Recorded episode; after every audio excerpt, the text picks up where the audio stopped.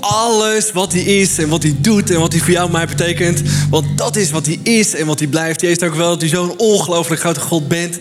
Dank u wel dat u van ons houdt, dat u wel dat u voor ons gestorven bent. En dat we daarom u elke dag, elke week kunnen en willen worshipen. En u elke dag weer te ervaren voor wie u bent. En vandaag willen we maar één ding voor u vragen. Open onze oren, ogen, hart. Om die dingen te zien zoals u ze bedoeld heeft.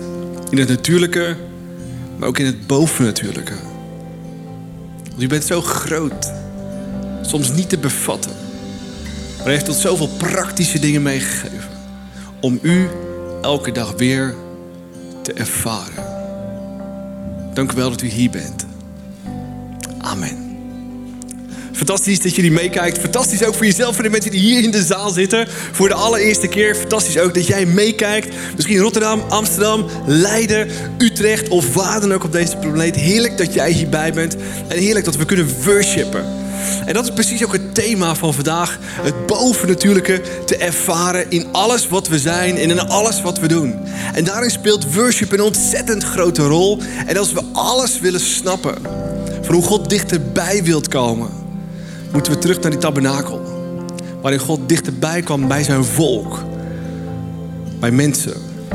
Bij mensen zoals jij en ik. Om ze te voelen. Om dichtbij te zijn. En dat is wat God precies ook vandaag bij jou wilt.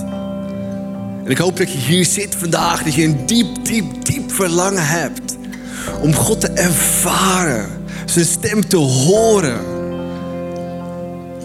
wandelen met Hem door het leven. Zij aan zij, hart in hart, schouder aan schouder, om je door Hem te laten leiden op plekken die je misschien anders nooit gezocht zou hebben, waar die pijn en ellende kan voorkomen. Maar waar moeten we beginnen? We moeten beginnen bij God. We moeten beginnen bij zijn hart. En gaan snappen. En gaan begrijpen en ervaren. Dat hij dicht bij ons wilt zijn. Laten we naar een fantastisch vers lezen. Wat in Exode staat. Wat we vandaag gaan doornemen. In het allereerste begin. En er staat... Aaron moet elke morgen, als hij de lampen in orde maakt, de lamp in de tabernakel, geurige kruiden op het altaar verbranden. Ook als hij s'avonds de lampen weer aansteekt, moet hij de kruiden voor de heren op het altaar verbranden. Van generatie op generatie, van generatie op generatie, op generatie op generatie moet dit doorgaan.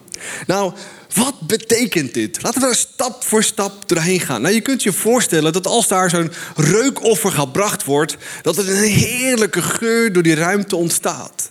En dat het Gods hart raakt.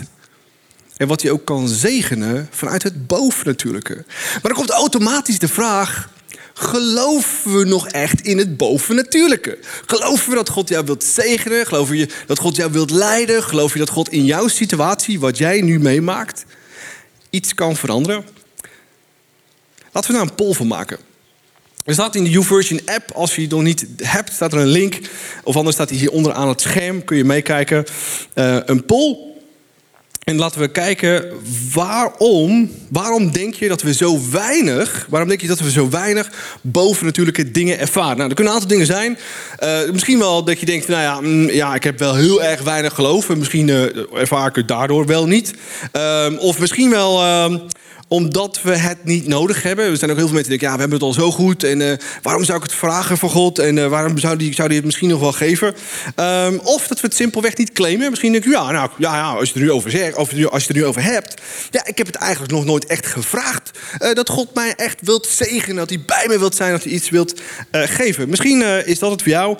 Of misschien zeg je, nou ja, weet je, ik heb geen idee waarom de beste man stil blijft in mijn leven. Nou, dan kunnen natuurlijk allerlei soorten en redenen zijn in jouw leven. En ik hoop dat je lekker wilt meestemmen in deze live poll. Om te gaan kijken wat er dus uh, misschien wel uitkomt voor jou en voor mij. Waarom zou God weinig uh, geestelijke of bovennatuurlijke wonderen in jou of mijn leven doen? Waarom denk jij dat, dat hij dat doet? Nou, misschien uh, bovenaan staat nu vanwege ons kleine geloof. Uh, vanwege ons kleine geloof. Uh, op nummer 2 staat nu 50-50, omdat we het niet claimen. Is toch wel een puntje, hè? Dat het niet claimen. Oh, kijk, nu gaat het, nu gaat het, echt, uh, nu gaat het echt hard lopen. Oh, super cool, wat er gebeurt, man. Nee, nee. Stemmen jullie ook een beetje mee hier in de zaal? Ja?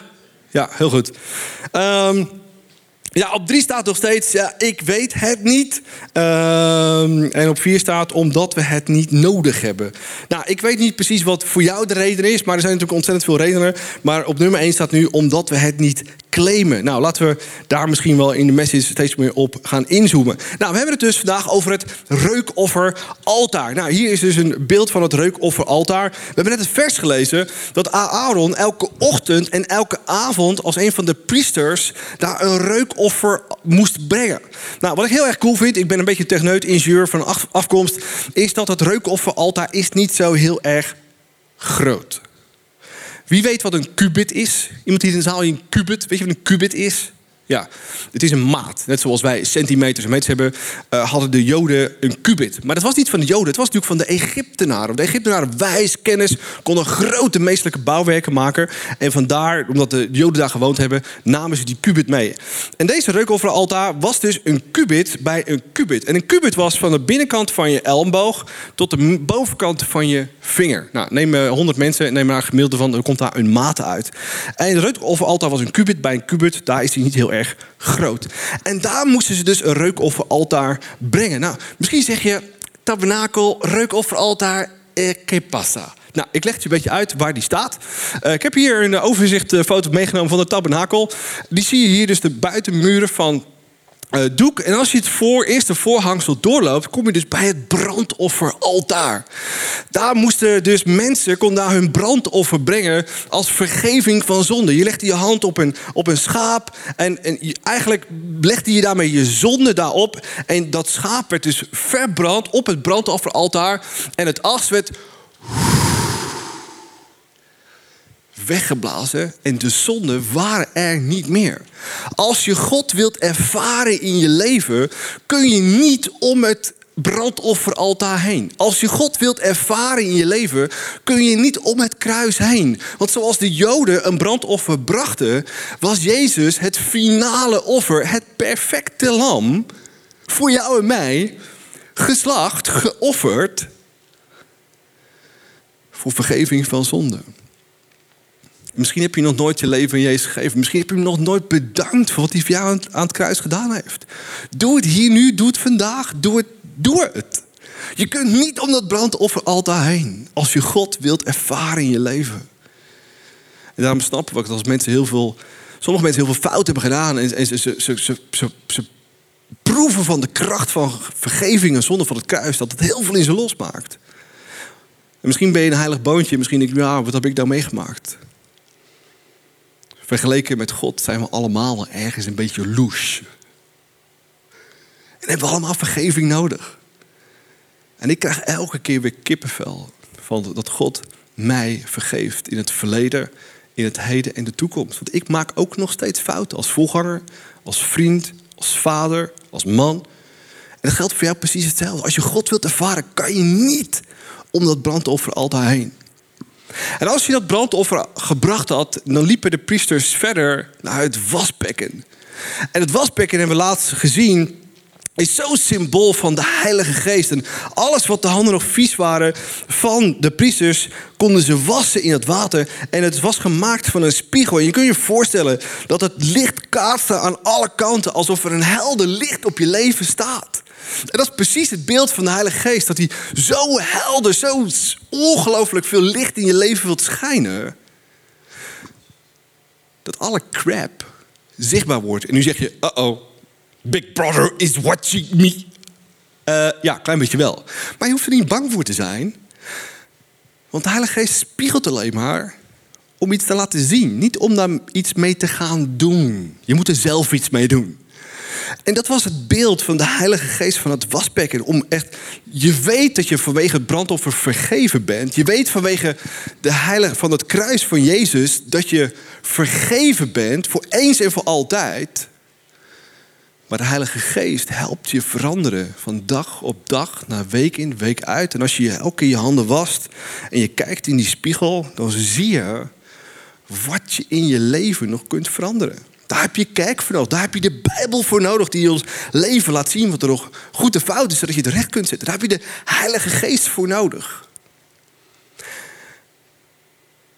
En dan kijk je in het waterbekken. En dan zie je water. Als we aan water denken, mensen hier in de zaal, en je, wat, waar, waar moet je dan ook aan denken? Doop. Ja, tuurlijk. Woehoe! Doop, tuurlijk. Het is zo logisch. En misschien ben je ooit al een keer gedoopt. En misschien ben je nog niet gedoopt. Dan is het alle reden om deze zomer het water in te gaan. Um, het mooiste beeld in de Bijbel is dat dus Jezus zelf gedoopt wordt. En er is maar één moment in de hele Bijbel waarin God, Jezus en de Heilige Geest op één moment zichtbaar en leesbaar in de Bijbel zijn. Als Jezus wordt gedoopt. De hemel gaat open. De Heilige Geest als vorm van een duif komt op hem. En God, Jezus, Heilige Geest, en God zegt: Dit is mijn geliefde zoon. Als je God wilt ervaren en je hebt hem bedankt voor het kruis, laat je ook dopen. En misschien zeg je, ja, maar het is maar een symbool. En ja, maar wel een belangrijk symbool. Want als je daar bij de tempel als priester je handen staat te wassen. Dan denk ja, het is maar mijn handen wassen. Maar het is zoveel groter voor God. Het was letterlijk je handen wassen in de spiegel kijken. Is er nog iets in mijn leven wat niet oké is tussen mij en tussen mijn God? Ik wil dat weg. Ik wil de afscheid van nemen. En ik wil dat wegwassen. Zodat je het heilige in kunt stappen. En God echt kunt ervaren. Laat staan, het heilige der heiligen komen we zo op. Als je nog niet gedoopt bent Maak hier nu vandaag de keuze. Ik ga dat water in. En dan komt er als een nieuw persoon achter me. Om weer dingen achter me te laten. Oké. Okay. Brandofferaltaar, wasbekken. Je gaat door het tweede voorhangsel. En dan kom je dus in het heilige.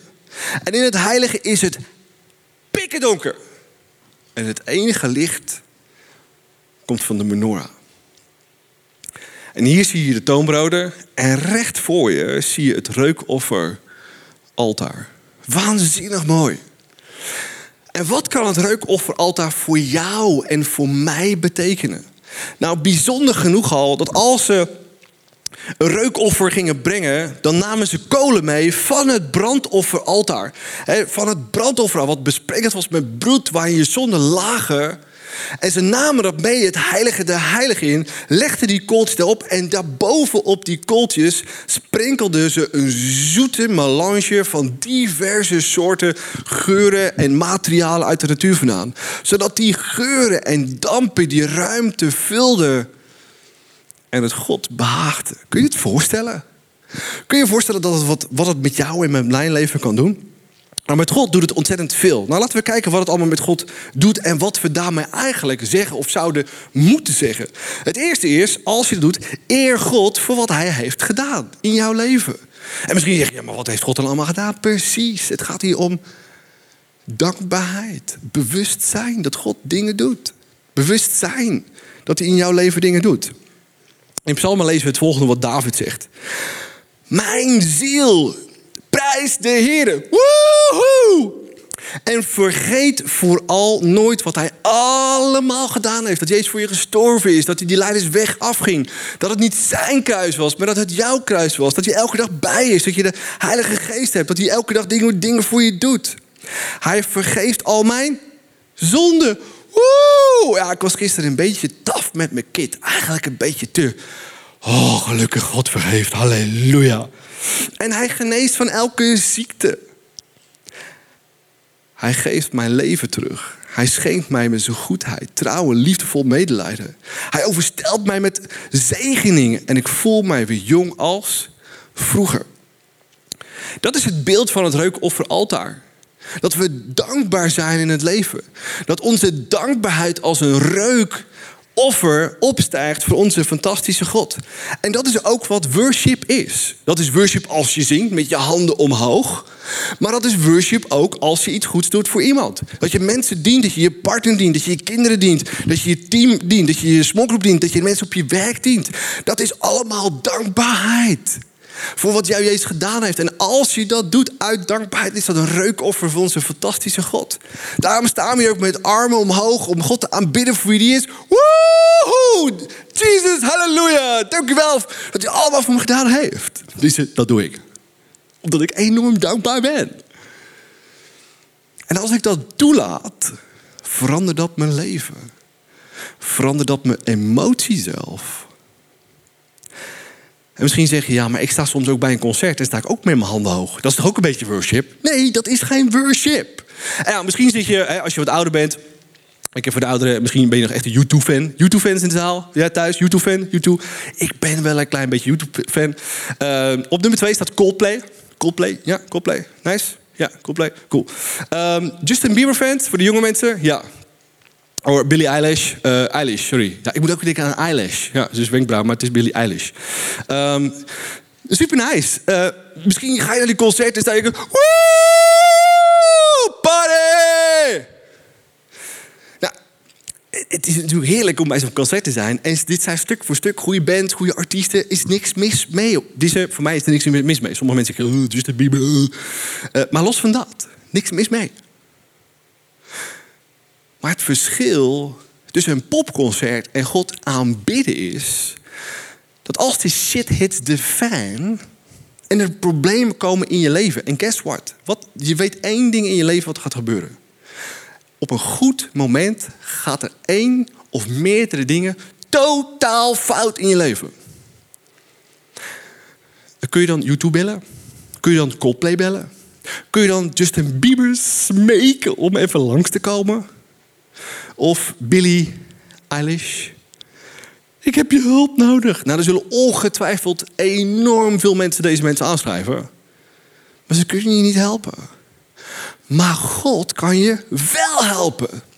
En dat is het grote verschil. Dat je God aanbidt in je highs en in je lows. Met name in je lows. Dat als het niet goed gaat, dat je alles van hem verwacht. Ik blijf worshipen. Ik blijf geloven. Ik blijf verwachten dat mijn God God is. En dat hij doet wat hij, alleen hij kan doen op het juiste moment, op het juiste tijdstip. Dat is echte worship. Nou, laten we even wat dichter kijken naar die tabernakel. Die tabernakel is bedekt met een aantal kleden waar we ontzettend veel van kunnen leren. We komen zo weer terug op het reukoffer altaar. Wat we moeten weten is dat het reuk, sorry, de tabernakel heeft dus vier dekkleden. Hij moet natuurlijk wel waterdicht zijn. En het buitenste kleed is gemaakt van lamantijnen. Ken je dat? Oh, dat zijn, ik, ik, hou van de zee, ik hou van zeedieren. Het zijn, het zijn de familie van de zeekoe. Nou, je kunt je voorstellen dat die dus een hele leren huid hebben. Het ziet er niet zo sexy uit van buiten, maar dat is wat het is. En lamantijn, dat doek staat voor overgave. Uh, misschien heb je deze week ook moeten overgeven aan de regen. Iemand? Dat is waar dit doek voor bedoeld is. Dat je je over moet geven aan de elementen van het weer. En we moeten ons ook overgeven aan de elementen van het leven. Maar wat ons beschermt is het eerste doek. Dit vel. Is niet zo sexy. Is een paraplu sexy? Nee, tegenwoordig heb je hele sexy paraplu's. Maar ze doen maar één ding. Ervoor te zorgen dat je niet nat wordt. Nou, precies dat moeten we snappen. Precies dat moeten we begrijpen. Dat als we ons omkleden met God, misschien soms niet zo sexy, maar het is alles wat je nodig hebt. En dan snappen we ook het vers wat in Jezaja staat. In Gods ogen was hij, gaat het over Jezus, een gewone man. Niet zo cool, niet zo fantastisch, niet zo mooi als Justin Bieber of Bono of wat dan ook, maar gewoon een ordinaire guy. Een groene scheut die groeide aan een wortel in droge, onvruchtbare grond. Maar in onze ogen had hij niets aantrekkelijks. De tabernakel heeft van buiten niets aantrekkelijks. Niets dat maakte dat wij hem graag wilden aanvaarden. Wij verafschuwden en verachten hem. Een man van zorgen, vertrouwd met het bitterste verdriet. Jouw verdriet, mijn ellende. En we keerden hem de rug toe en keken de andere kant op als hij langskwam. Hij werd veracht en dat deed ons helemaal niets. Nou, dat is precies met het tabernakel. Als je van buiten kijkt, denk je, nou, wat is dat voor een ordinaire tent bij Obelink vandaan? Maar het was geen ordinaire tent. Het was Gods plan. En van buiten lijkt God en de Bijbel en kerk niet zo sexy. Maar als je dichterbij komt, dan verandert het alles. Laten we kijken naar de tweede laag. De tweede laag is rood. Is geverfd runderhuid. En die geverfde runderhuid staat natuurlijk niet meer en niet minder als beeld voor het offer dat Jezus zou brengen. Dat zijn bloed ons van alles beschermt. Meer dan we eigenlijk nodig hebben. En eigenlijk met deze twee vellen hebben we ook niet meer dan dat nodig. Maar God gaat veel verder. En voor alle Joden van die tijd wisten ze: God is meer dan genoeg. God is meer dan genoeg. Misschien niet eens wetende wat er zou komen. Ja, de Joden wisten dat er een Jezus zou komen. De Joden wisten dat er een verlosser zou komen.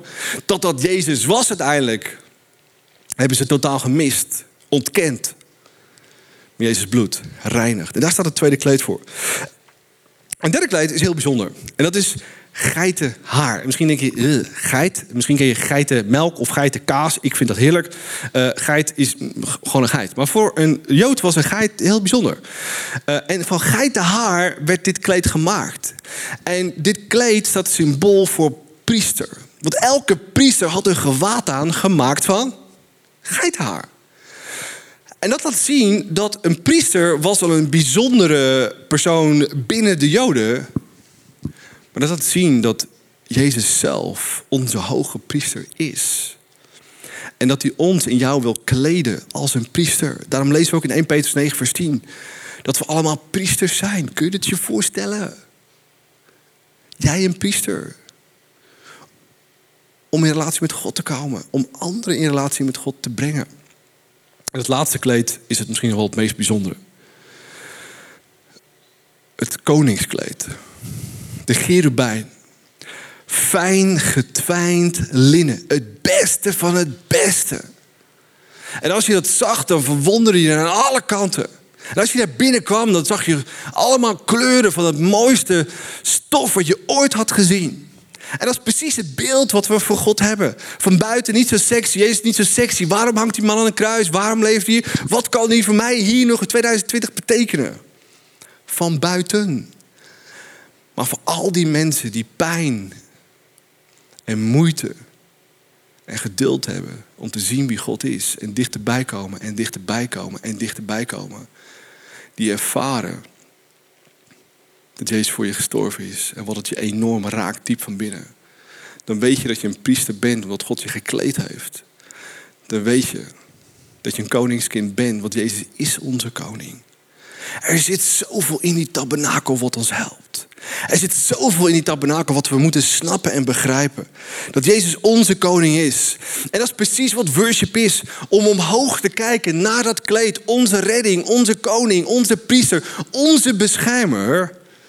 Dat is wat worship is. Kijk omhoog. Ja, maar ik heb problemen. Ja, precies. Richt je niet op je problemen, maar op je fantastische God. Ik heb iemand gevraagd. Eh, Gino, kom naar voren. Uh, om dat eh, goed te illustreren als we naar onze problemen kijken. Als we een bezem hoog willen houden, Gino. en je kijkt alleen maar naar het begin. je wil hem hoog houden, dan, naar je problemen. Dan krijg je hem, dan krijg je hem, dan kan je hem niet omhoog houden. Ja. Ja, is no joke. Hij probeert echt zijn best te doen. Maar nog een keer, kijk naar je probleem en probeer die bezem recht te houden. Probeer je leven in orde te houden. Probeer het. Oké, nog één laatste keer. Probeer het heel erg. Kijk naar je probleem en probeer het op te lossen. Lukt niet. Terwijl als je die bezem in je hand zet en je kijkt niet van je probleem naar, naar jou, God.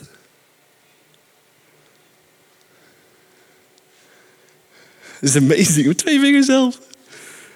Wauw. Applaus voor Gino. Nog een keer. Nog een keer, ja. Ik vraag me af als het de tweede keer is of het dan wel lukt. Of het niet een beetje ingestudeerd is, weet je. Kijk, kijk naar God en niet naar je probleem. Ja. Is niet te geloven, wel soms? En dat is precies, applaus voor Gino, ja, dankjewel. En dat is precies wat het in het leven is. Je moet niet naar je problemen kijken, maar je moet naar God kijken wie die is, wat hij voor je betekent, dat hij je vergeeft, dat hij je schoon was, dat hij je helpt, dat hij je Gods Heilige Geest gegeven heeft om dolbraken in je eigen leven te forceren. Om echt te kunnen veranderen, om echt een leven te hebben wat vervullend is. Kijk niet naar je problemen, maar kijk naar God. Dat is wat echte worship is. En dat is wat het altaar ook deed. Want de Joden hadden ook hun uitdagingen. Elke persoon had hun uitdaging. Maar als je naar het reuk of altaar toe gaat en je weet wie God is, wat hij voor jou betekent, heeft en kan doen, verandert alles. Oké, laten we kijken naar de tweede gedachte. Dank God voor wat hij voor jou heeft toevertrouwd. Wees ook altijd blij.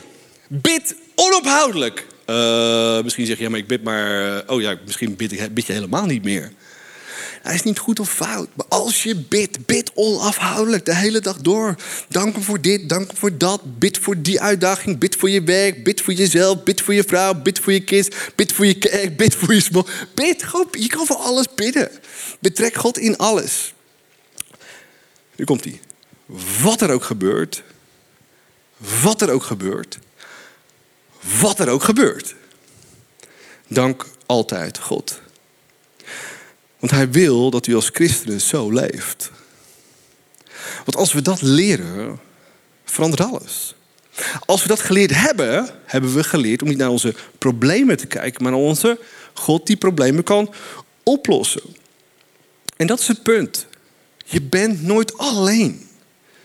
Ja, maar ik voel me alleen. Maar de vraag is, ben je alleen? Dat we alleen zijn heeft vaak veel meer te maken met ons bewustzijn dat we niet bewust zijn dat God bij hand is.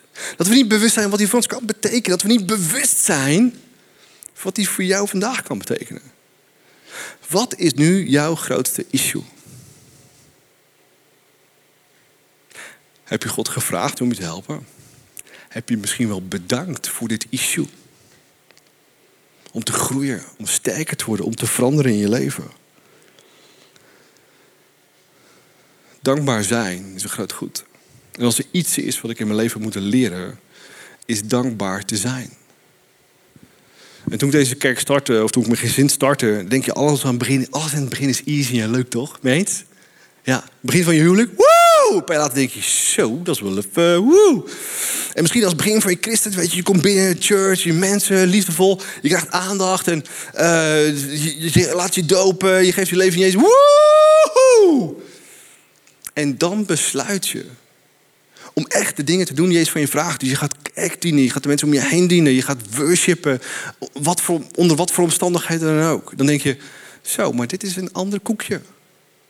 Ja. En dat is wat we moeten leren om sterk te worden. Want er is altijd de boze die je dankbaarheid, dat offer voor God in ons leven wilt weghalen. En als we die offer aan God, onze worship, onze dankbaarheid weghalen in ons leven, dan, dan, dan missen we alles. Dan, dan hebben we niks meer om voor te leven. Het enige waar ik voor leef is, is mijn God. En dat ik dat samen mag delen met mijn gezin, met, met, met de mensen in mijn stad. En dat is wat God in jouw leven ook wil doen. Maar dan moeten we worshipen. En worshipen is, dat is in je diepste, donkerste dal God te zoeken. Als enige oplossing. Misschien denk je, zo, daar zeg je nogal wat. Ja. Want als we in ons donkerste, diepste dal zitten. En we zoeken als eerste God op. Laat dat zien van wie het dan echt verwacht. Ja, maar laat ik eerst dat proberen, zus proberen, hier proberen. En dan, ja, weet je, God heeft zo druk. En dan, ja, weet je, ik wil hem gewoon niet lastig vallen. Weet je, wie, wie ben ik nou? Precies, wie ben jij nou? Je bent Gods kind, je bent een priester, lezen we in het Nieuwe Testament. Je hebt direct toegang tot God door de Heilige Geest. Het is de verkeerde nederigheid vaak. Ga direct naar God toe. Ik heb u nodig. Laat alles in je dat bewegen. Op je diepste momenten. Waarin je diepst alles tegen zit. We moeten vaak die diepe momenten meemaken in ons leven. Met God. Om ons echt te veranderen. God verandert niet. Hij hoeft niet te veranderen. Sterker nog, hij kan niet veranderen. Hij houdt van je. Hij wil er voor je zijn. Hij wil dat je hem ervaart. Maar zoek hem op. In het diepste, donkerste dal. En misschien denk je, ja, als ik terugkijk naar het begin van mijn huwelijk, begin van mijn leven toen ik jong was, of begin van dat je Jezus ging volgen, dat het een stuk easier was. Klopt? Naarmate je ouder wordt, je meer leert. Zegt God, ik wil dat je verantwoording draagt. Ik wil dat je wat beweegt in deze wereld. Maar je kunt het niet zonder mij, zegt God. En we moeten leren het echt met Hem te doen. En er zijn zoveel momenten geweest in mijn leven met mijn Jezus. Dat ik God diende toen deze kerk startte. Door al die jaren heen. Dat mensen je pijn doen. Dat je niet weet waar je heen moet. Dat je niet weet wat visie is. Dat je soms niet weet wat je met je lichaam aan moet. Dat je simpelweg niet weet wat je moet doen. En je weet maar één ding. Dat de boze alles aan doet om dat reukoffer, die dankbaarheid in je leven weg te halen. Als een... Kunnen we een slang zien? Slang. We hebben een hele mooie slang. Er is altijd weer zo'n slang die... Het leven uit je vandaan wil halen waarde weg wilt nemen. Je min wilt laten voelen.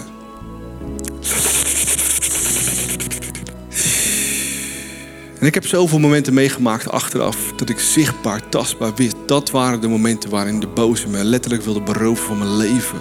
Van mijn dankbaarheid, van mijn joy. En ik heb moeten leren met God te gaan. Ik heb moeten leren om dankbaar te zijn in de diepste, donkerste dagen van mijn leven. Dat, als we dat doen, is dat een echt reukoffer voor onze fantastische God. Ik heb een quote meegenomen van Francis Bacon, of Basson, het is een Fransman. Het zijn niet de gelukkigen die dankbaar zijn, maar de dankbaren die gelukkig zijn. We moeten leren dankbaar te zijn. En als we dankbaar zijn voor het kruis, voor wat Jezus voor je deed, als je dankbaar bent voor wie die is, dan verandert er alles. Als je bij het wasbekken komt en je laat het diepst in je hart, in je ziel reinigen door de Heilige Geest, dan wordt God groter in je leven. En als je elke dag leert dankbaar te zijn, is dat een reukoffer wat voor God echt opstijgt. Als je leert om vanuit dankbaarheid van wat Jezus voor jou gedaan heeft, voor anderen gaat zorgen, zijn kerk gaat bouwen, je kids verder helpt, je partner verder helpt, de mensen in je smoelgroep verder helpt, de mensen in je team verder helpt, de mensen op je werk verder helpt. Ondanks pijn, ondanks verdriet, ondanks ellende, weet dat God achter je staat, dat hij van je houdt, dat hij je vergeeft en vergeven heeft. Dat is een reukoffer altaar. En als je nog nooit hebt meegediend in een kerk, go for it. Het is een reukoffer. Als je nog nooit echt je vrouw gediend hebt, ga haar dienen. Als je je kids nog nooit gediend hebt, ga ze dienen. Uit dankbaarheid voor jou, Jezus. Dat is een reukoffer wat, God op, wat opstijgt naar God toe. En wat hij ziet. En wat hij hoort. En wat hij op zijn tijd, op zijn tijd gaat zegenen. Dat is de laatste gedachte van vandaag. Vertrouw God dat Hij je gebed hoort. Laat mijn gebed u als een reukoffer bereiken. Laat mijn opgeheven handen voor u als een avondoffer zijn. En misschien zeg je, waarom staan die mensen te worshipen met opgeheven handen? Ja, omdat onze dankbaarheid, ons gebed, onze handen omhoog een reukoffer is voor onze fantastische God. Hallo!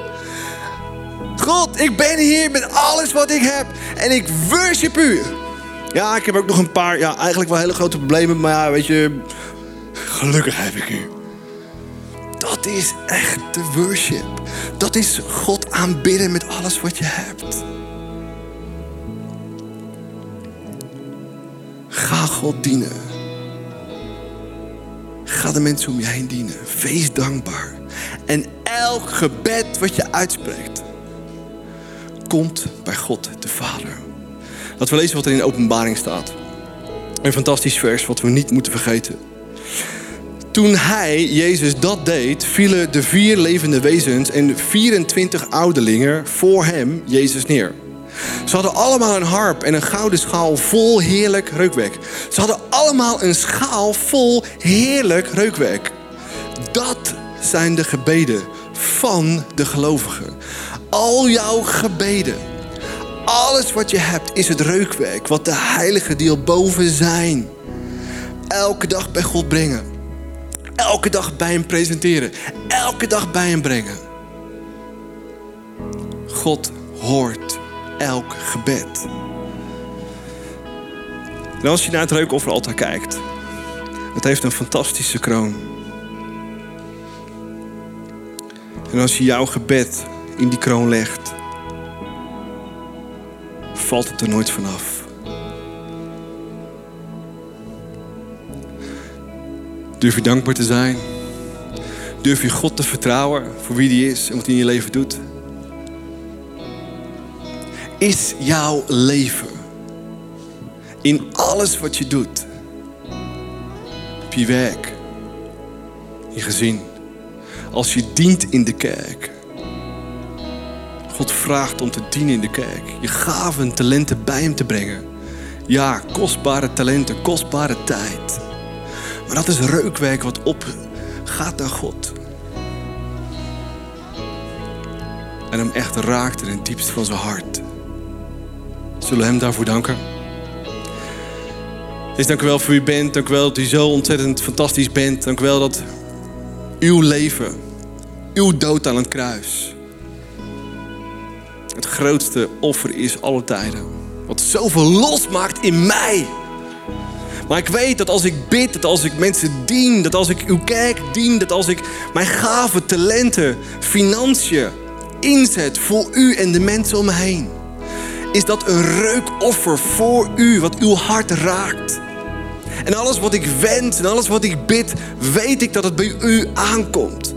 Daarom worship ik met mijn handen omhoog en wil ik het uitschreeuwen. Want u hoort mij. En dan wil ik u danken. Dank u wel voor alles wie u bent. Ik wil dankbaar zijn. Ik wil elke dag van mijn leven bidden. Elke ochtend, elke avond met u beginnen en afsluiten. Ik laat u nooit, nooit, nooit meer los. Want ik weet dat u mij nooit loslaat. Ik wil u ervaren in alles wat u bent. Dank u wel.